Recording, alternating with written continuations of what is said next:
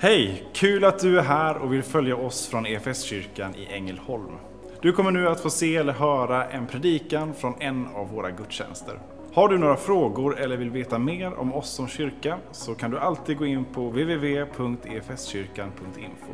Vill du ha tillgång till mer undervisning eller ta del av våra inspelade konferenser eller gudstjänster gå gärna in på vår Play-kanal, efskyrkan.tv. Nu ska vi lyssna på denna veckas predikan. God förmiddag.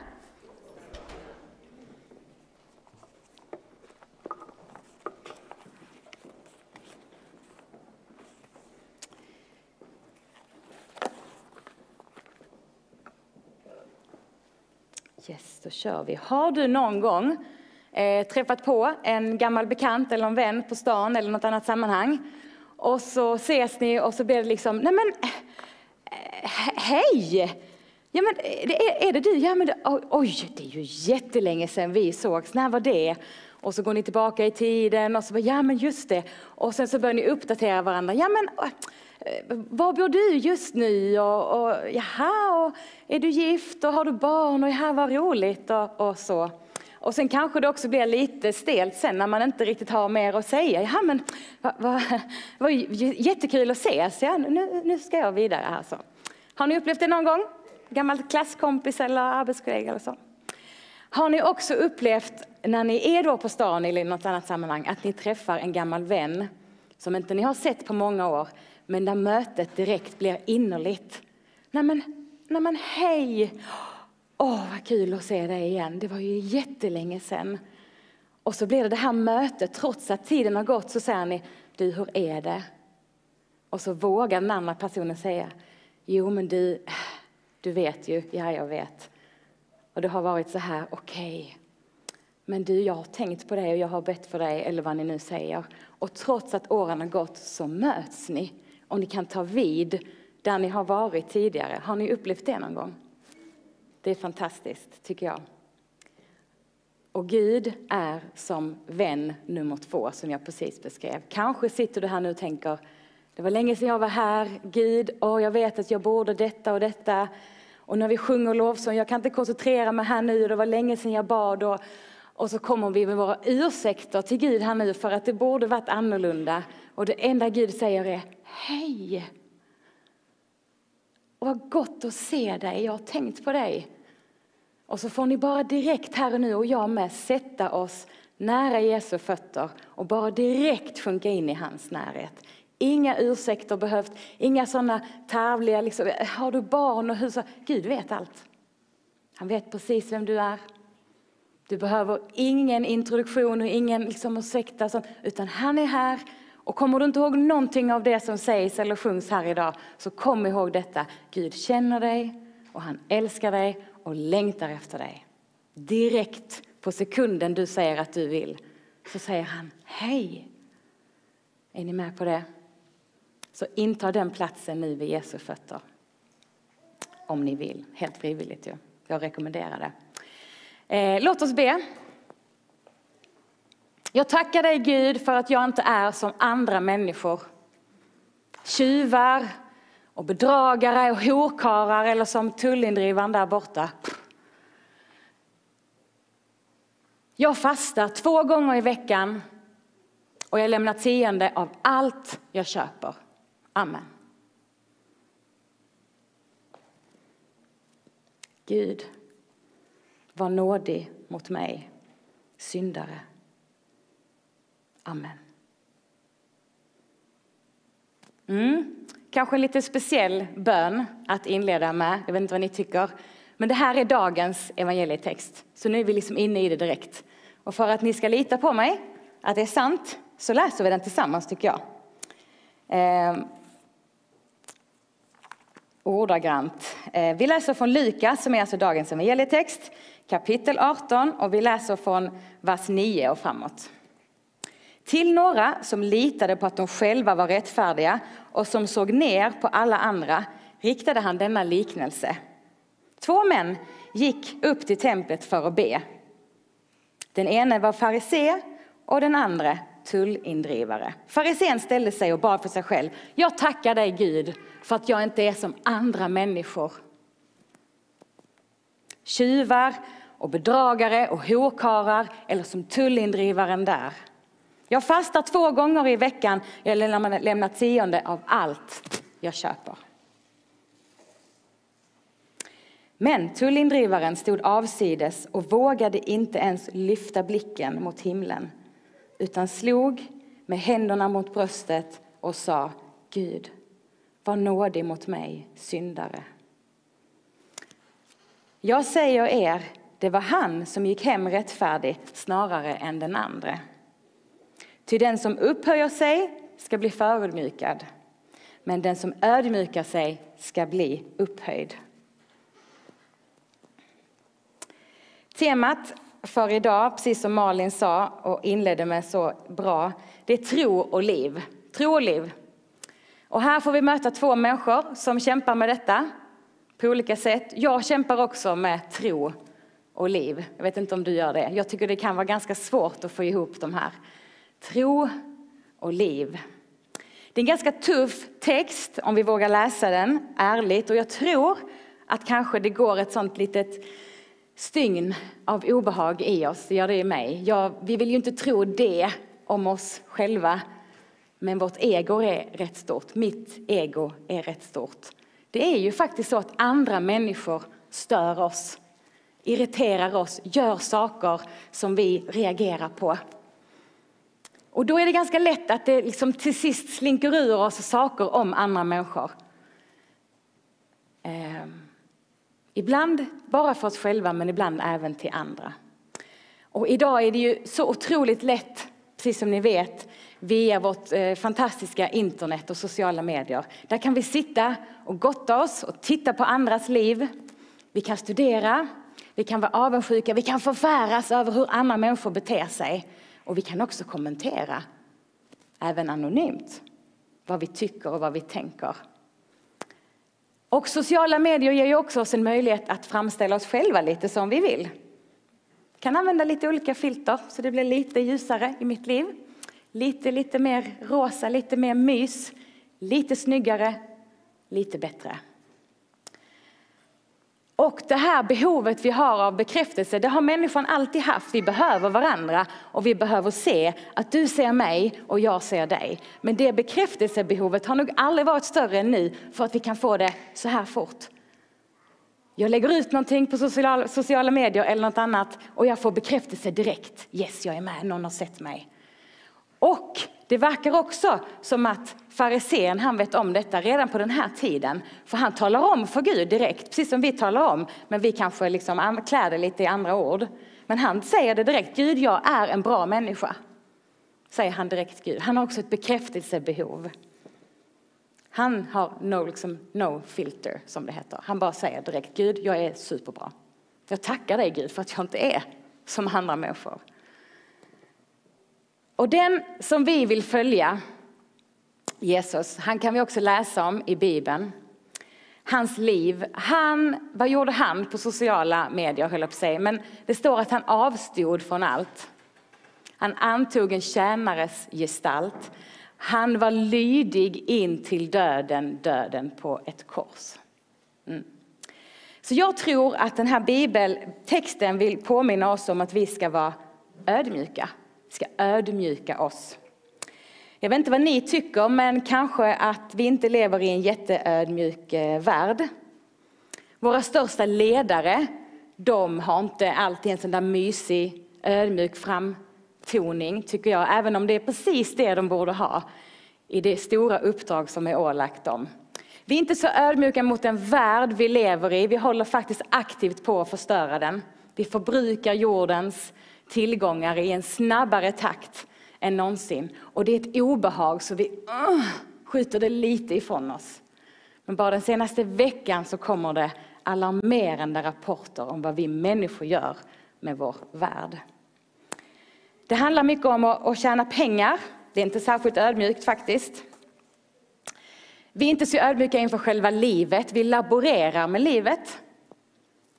Vi eh, håller på och, och eh, radera ut alla människor. Vissa länder håller på att radera ut människor som lever med Downs syndrom. Det till trots att varenda människa som har levt sitt liv i närheten av en människa som har Downs syndrom vittnar om hur det berikar deras liv. Vi håller på att beställa barn, beställa kön, laboreras det med just nu. Är vi, nöjda? Sen, är vi inte nöjda med det könet sen, nej men då byter vi ju. För det har vi ju rätt till. Eh, jag tänker på de människor som har levt före oss, våra äldre som har byggt upp det här landet.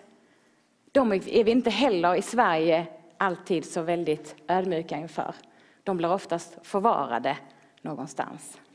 Och vi är inte heller så ödmjuka inför, jag inkluderat, det faktum att Gud är en levande Gud som varje morgon väntar på att säga hej till oss. Men vi har oftast inte tid. Ja, vi har blivit ett folk med rättigheter. Vi ska ha det vi har rätt till, för det har vi ju rätt till. Och, och vi ska ha det när vi vill ha det. Jag vill inte vänta.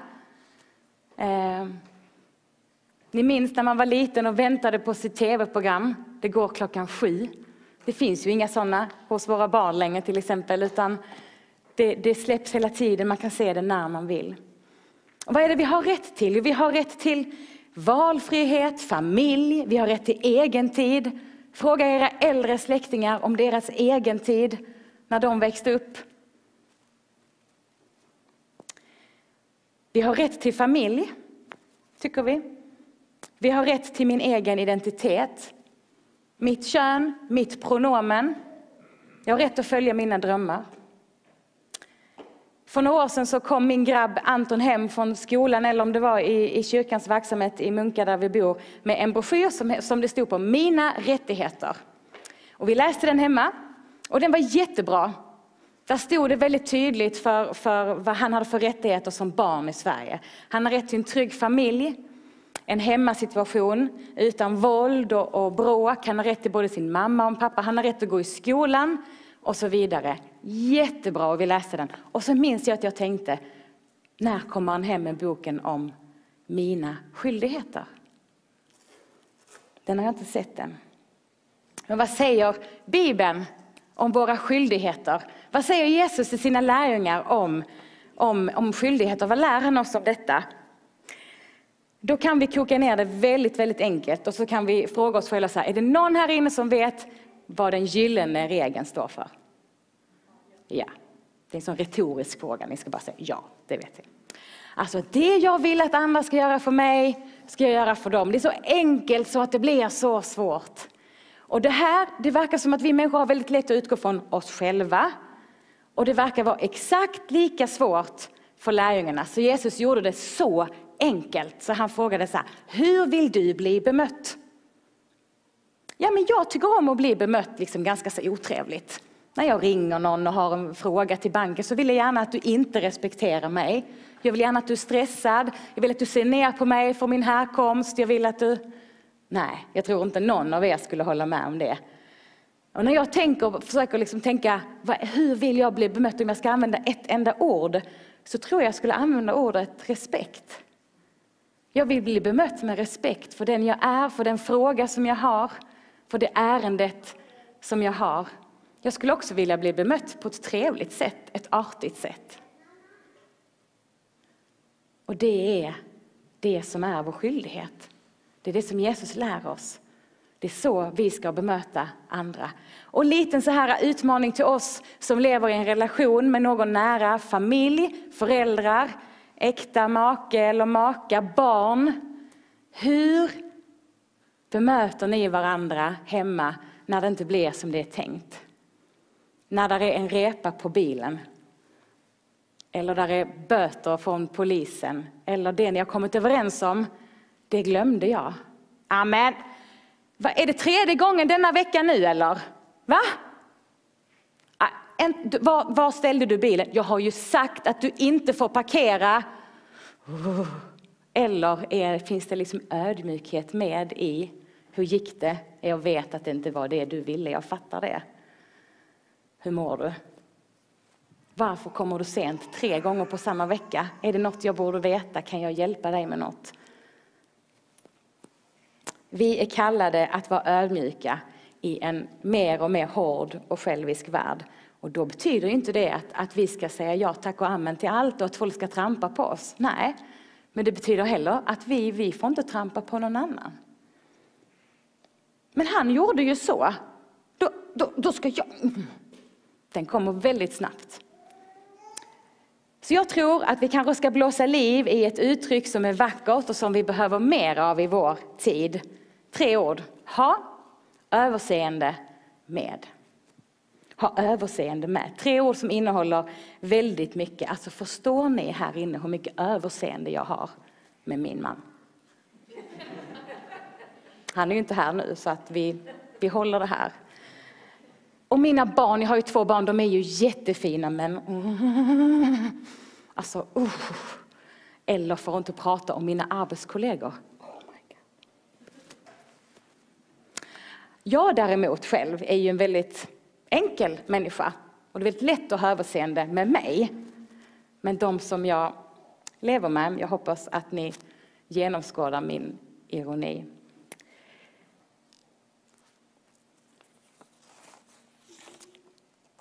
Vad betyder det egentligen att ha överseende med?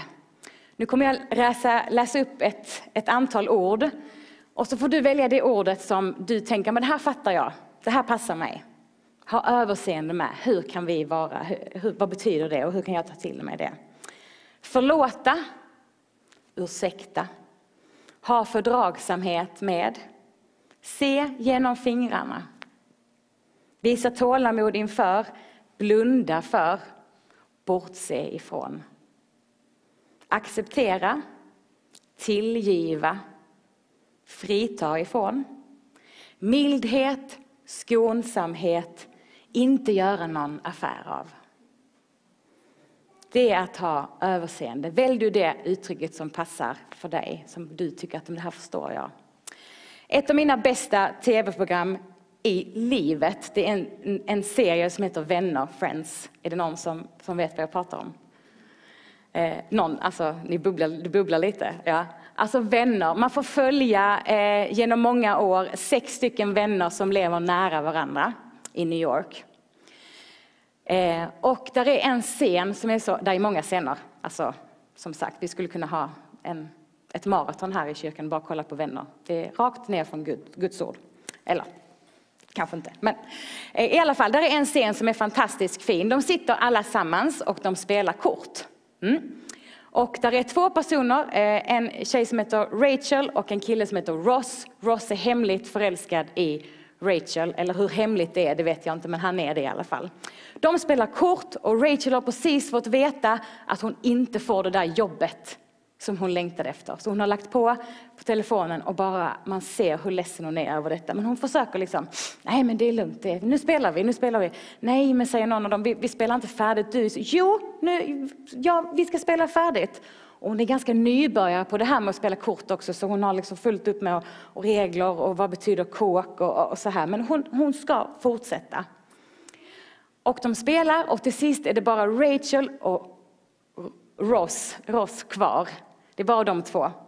Och hon går in och lägger och satsar in allt hon har. Och hon till och med ber om mer eh, saker hon kan lägga i potten från sina vänner. Eh, och hon går liksom all in. Detta, jag måste, jag satsar allt på, på min hand, på de här korten jag har. Och så lägger hon ner dem och jag minns inte exakt vad hon har men det är väldigt, ett super, jättehöga kort, så något hon skulle kunna vinna på. Och så sitter då den här Ross med sina kort och han tittar på korten, han tittar på henne. Han tittar på korten och så lägger han ner dem och säger du vinner. Och hon blir så glad. Va, är det sant? Ja! Hon hoppar under och tjejkompisarna kommer och det blir sån glädje. Och han sitter bara och tittar på henne och ser hur glad hon blir. Och sen framgår det ju faktiskt så att han hade ju bättre kort än henne. Och hans grabbkompisar bara, vad gör du? Och han säger bara, men se på henne. Alltså den scenen är så fin. Han har överseende med, hon vinner, hon vinner faktiskt inte korrekt. Men han lägger ner sin vinst för att se segern i henne, se henne glad.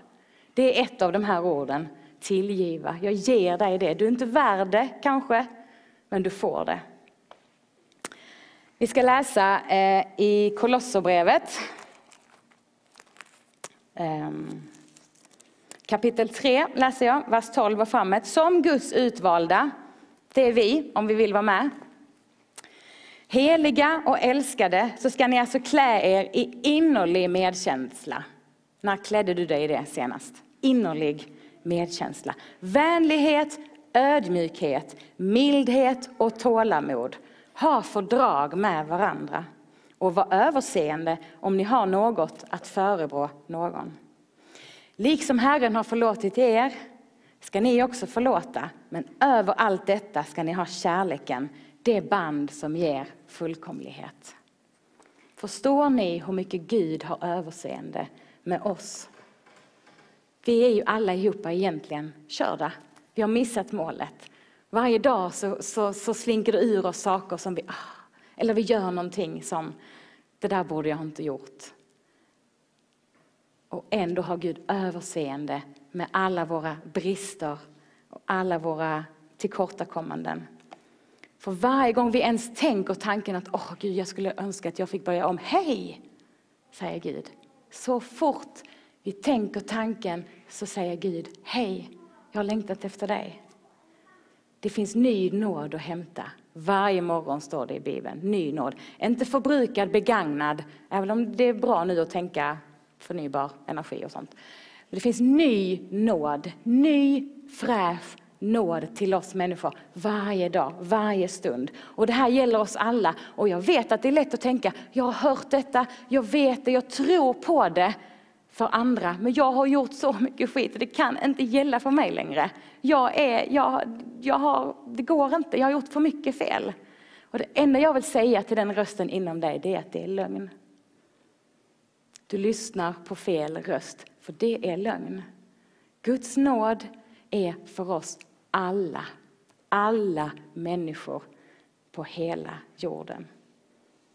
Så vi behöver ödmjuka oss och vi behöver ha överseende med varandra, se förbi varandras brister och tillkortakommanden och se varandras värde, se våra tillgångar. Och vi behöver Jesus till detta. Han är den ödmjukaste av alla, precis som vi sa innan. Och vi behöver få ut Jesus i hela, vår, i hela kroppen, i liksom blodomloppet, i våra tankar, i våra reaktioner. Nej men, mm, mm, mm, just det.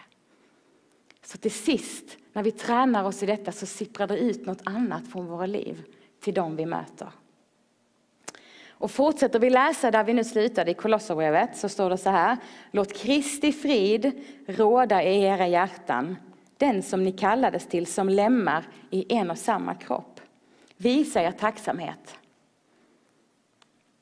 Det är också en sån, när, när, när visar du tacksamhet för någon som betyder mycket för dig senast? Gör det.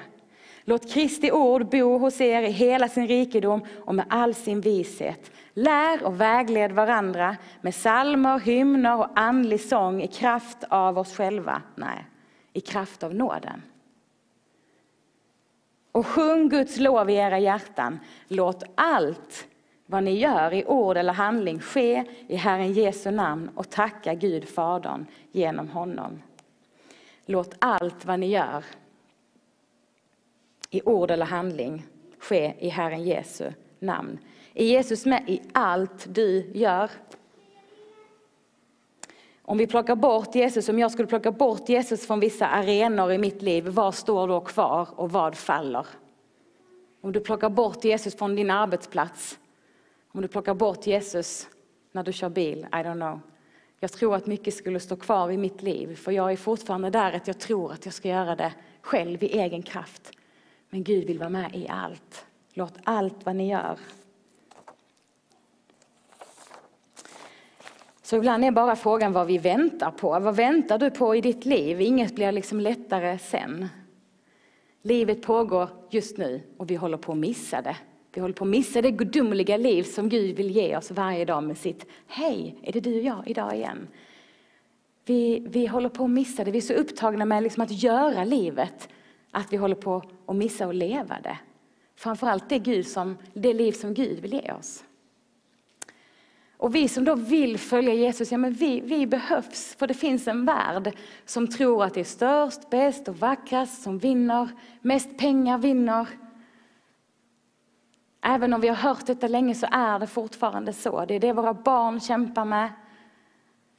Det är det vi själva kämpar med. Och Jesus har ju liksom redan vunnit den här kampen om våra liv. Och det är det vi behöver berätta för andra människor, att det finns nåd och frid att hämta. Och till det behövs det enligt dagens tema tro och liv. Inte bara det ena utan det andra, inte bara tro, inte bara men jag tror som jag vill och, och jag berättar för Jesus precis som för andra hur jag vill och, och, och jag behöver ingen annan utan jag har en stark tro. Och sen kanske inte heller bara liv, att men jag lever ju och det är gött och liksom det här med Gud och sånt, det, jag gillar det men det ska heller inte bli för liksom, obekvämt utan livet ska ändå vara liksom nice och, och härligt att leva. Tro och liv, båda två behövs.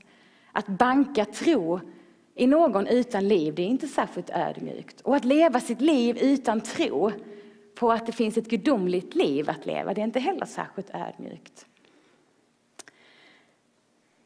Så vi behövs, vi människor som vill följa Jesus och vi som vill faktiskt ta den här uppgiften att älska varandra på riktigt behöver ha överseende med andra människors brustenhet, precis som Gud har överseende med oss. Vi behöver bli människor som är snälla faktiskt.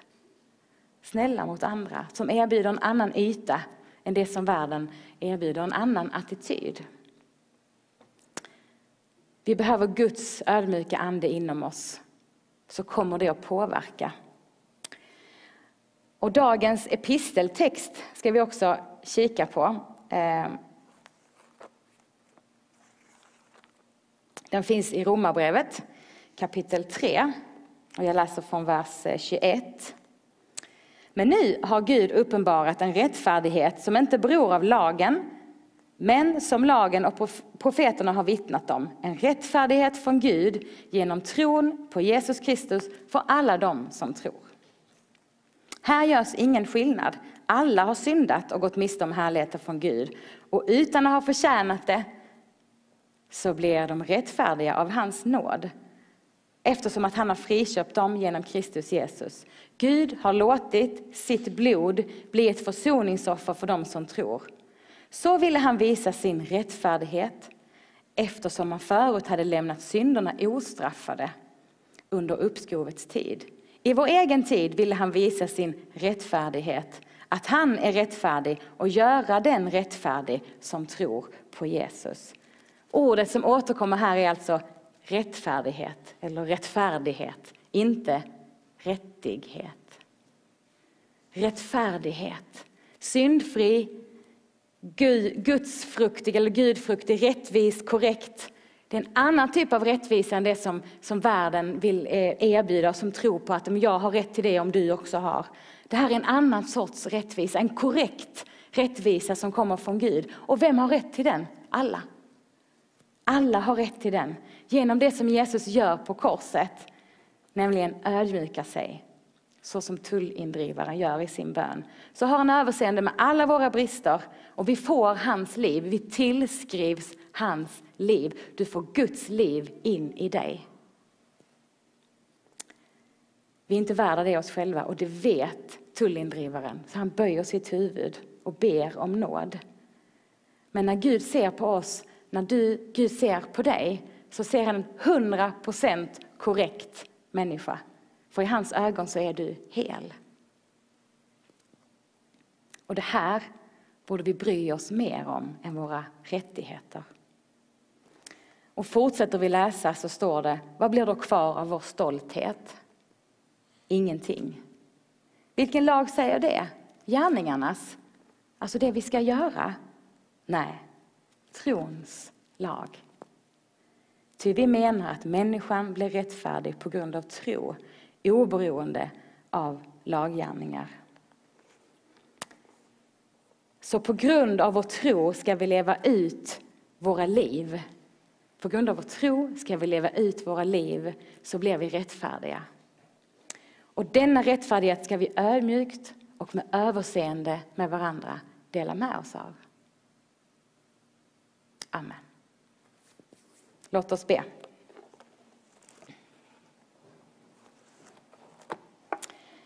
Tack Gud för att vi är likadana allihopa. Vi är människor som du har skapat. Och vi är alla människor skapade till din avbild. Du har skapat oss sådana vi är. Du gör ingen skillnad på oss. Tack för att i din närhet, genom ditt liv som får bo i mitt liv, så blir jag rättfärdig. Och jag kan få ha både tro och liv inom mig som jag kan få dela med mig av. Jesus, tack för att du går vid min sida. Precis som Malin inledde med, alla dagar. Mina kanondagar och mina tuffa, tuffa dagar. Så är detta lika sant. Att jag får leva ett rättfärdigt liv. Jesus, du som är den största och bäste, hjälp oss att leva ödmjuka liv och se varandra, se varandras kärna. Den kärnan som du har skapat. Hjälp oss att se på varandra med, med glädje och kärlek. Tack för att du går vid vår sida hela livet. Amen. Som kyrka är det en glädje att få spela en liten roll av allt Gud gör i och genom ditt liv. Vi vill gärna fortsätta följa dig på den resan. Och vill du ta reda på vad ditt nästa steg kan vara på din resa med Gud så gå in på efskyrkan.info nästa steg. Vår längtan är att få se människor och samhällen förvandlade av Jesus. Genom en kyrka som återspeglar Guds hjärta, bär varandra och betjänar människor varhelst vi befinner oss varje dag.